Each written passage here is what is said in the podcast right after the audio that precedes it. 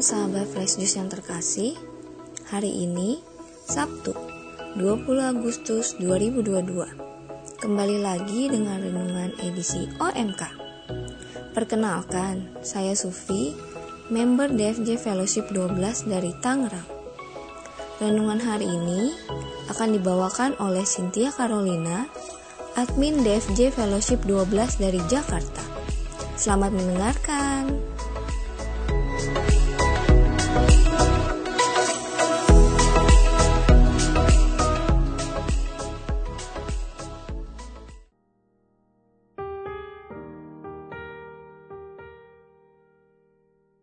Selamat pagi Sobat Fresh Juice. Berjumpa kembali di Daily Fresh Juice spesial OMK Bacaan hari ini diambil dari Injil Matius bab 23 ayat 1 sampai 12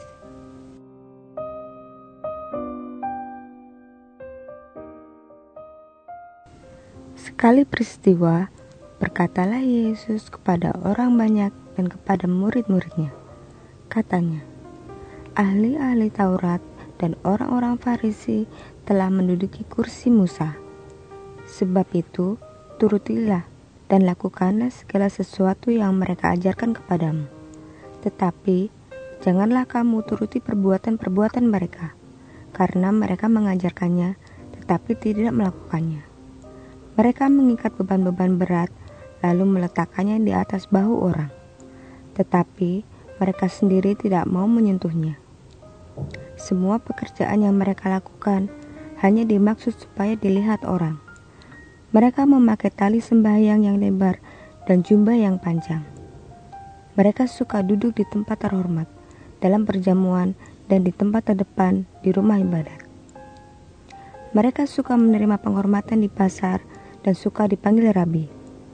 Tetapi, kamu janganlah kamu disebut rabi, karena hanya satu rabimu, dan kamu semua adalah saudara.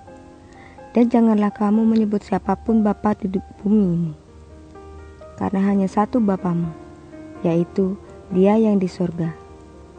Janganlah pula kamu disebut pemimpin, karena hanya satu pemimpinmu, yaitu Mesias. Barang siapa terbesar di antara kamu, hendaklah ia menjadi pelayanmu. Dan barang siapa meninggikan diri, ia akan direndahkan dan barang siapa merendahkan diri, ia akan ditinggikan. Demikianlah sabda Tuhan.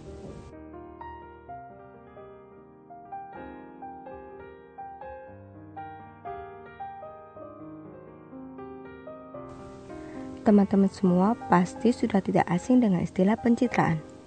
Apa yang dilakukan orang-orang Farisi pada Injil tadi contohnya.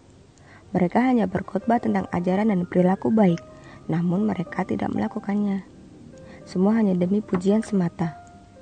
Perilaku tersebut tidak luput juga dari lingkungan sekitar kita, bahkan di lingkungan gereja. Seringkali terlihat umat yang sangat rajin dan kusuk saat di gereja, namun berbanding terbalik dengan perbuatannya di luar gereja. Contoh kecil saja perlakuan kepada sesama umat yang berkekurangan. Banyak prakteknya mereka-mereka yang butuh perhatian dari kita umat gereja malah justru dikucilkan dan tidak diikutsertakan dalam kegiatan atau organisasi gereja karena tak sedikit yang masih menggunakan asas manfaat. Atau justru sebaliknya, menggunakan mereka yang membutuhkan sebagai alat pencitraan diri dengan cara yang lagi hits, yaitu tangan kanan memberi, tangan kiri insta story. Menyebarkan kebaikan lewat media sosial tidaklah buruk. Asal niatnya memang untuk mengajak sesama berbuat baik, bukan untuk terlihat baik. Jangan sampai perbuatan baik kita didasari tujuan demi kepuasan duniawi. Tapi lakukanlah demi kemuliaan Bapamu di surga. Tidak mudah untuk melakukannya karena saya yakin semua dari kita punya pride tersendiri dan rasa ingin dipuji juga tidak bisa sembunyi. Tapi jangan sampai keegoisan diri mengalahkan ketulusan hati. Yang terbaik untuk kita selalu Tuhan berikan. Mari kita juga berbagi kebaikan tanpa harus distorikan. Lakukanlah demi kemuliaan Tuhan dan kedamaian hati. Tuhan Yesus memberkati.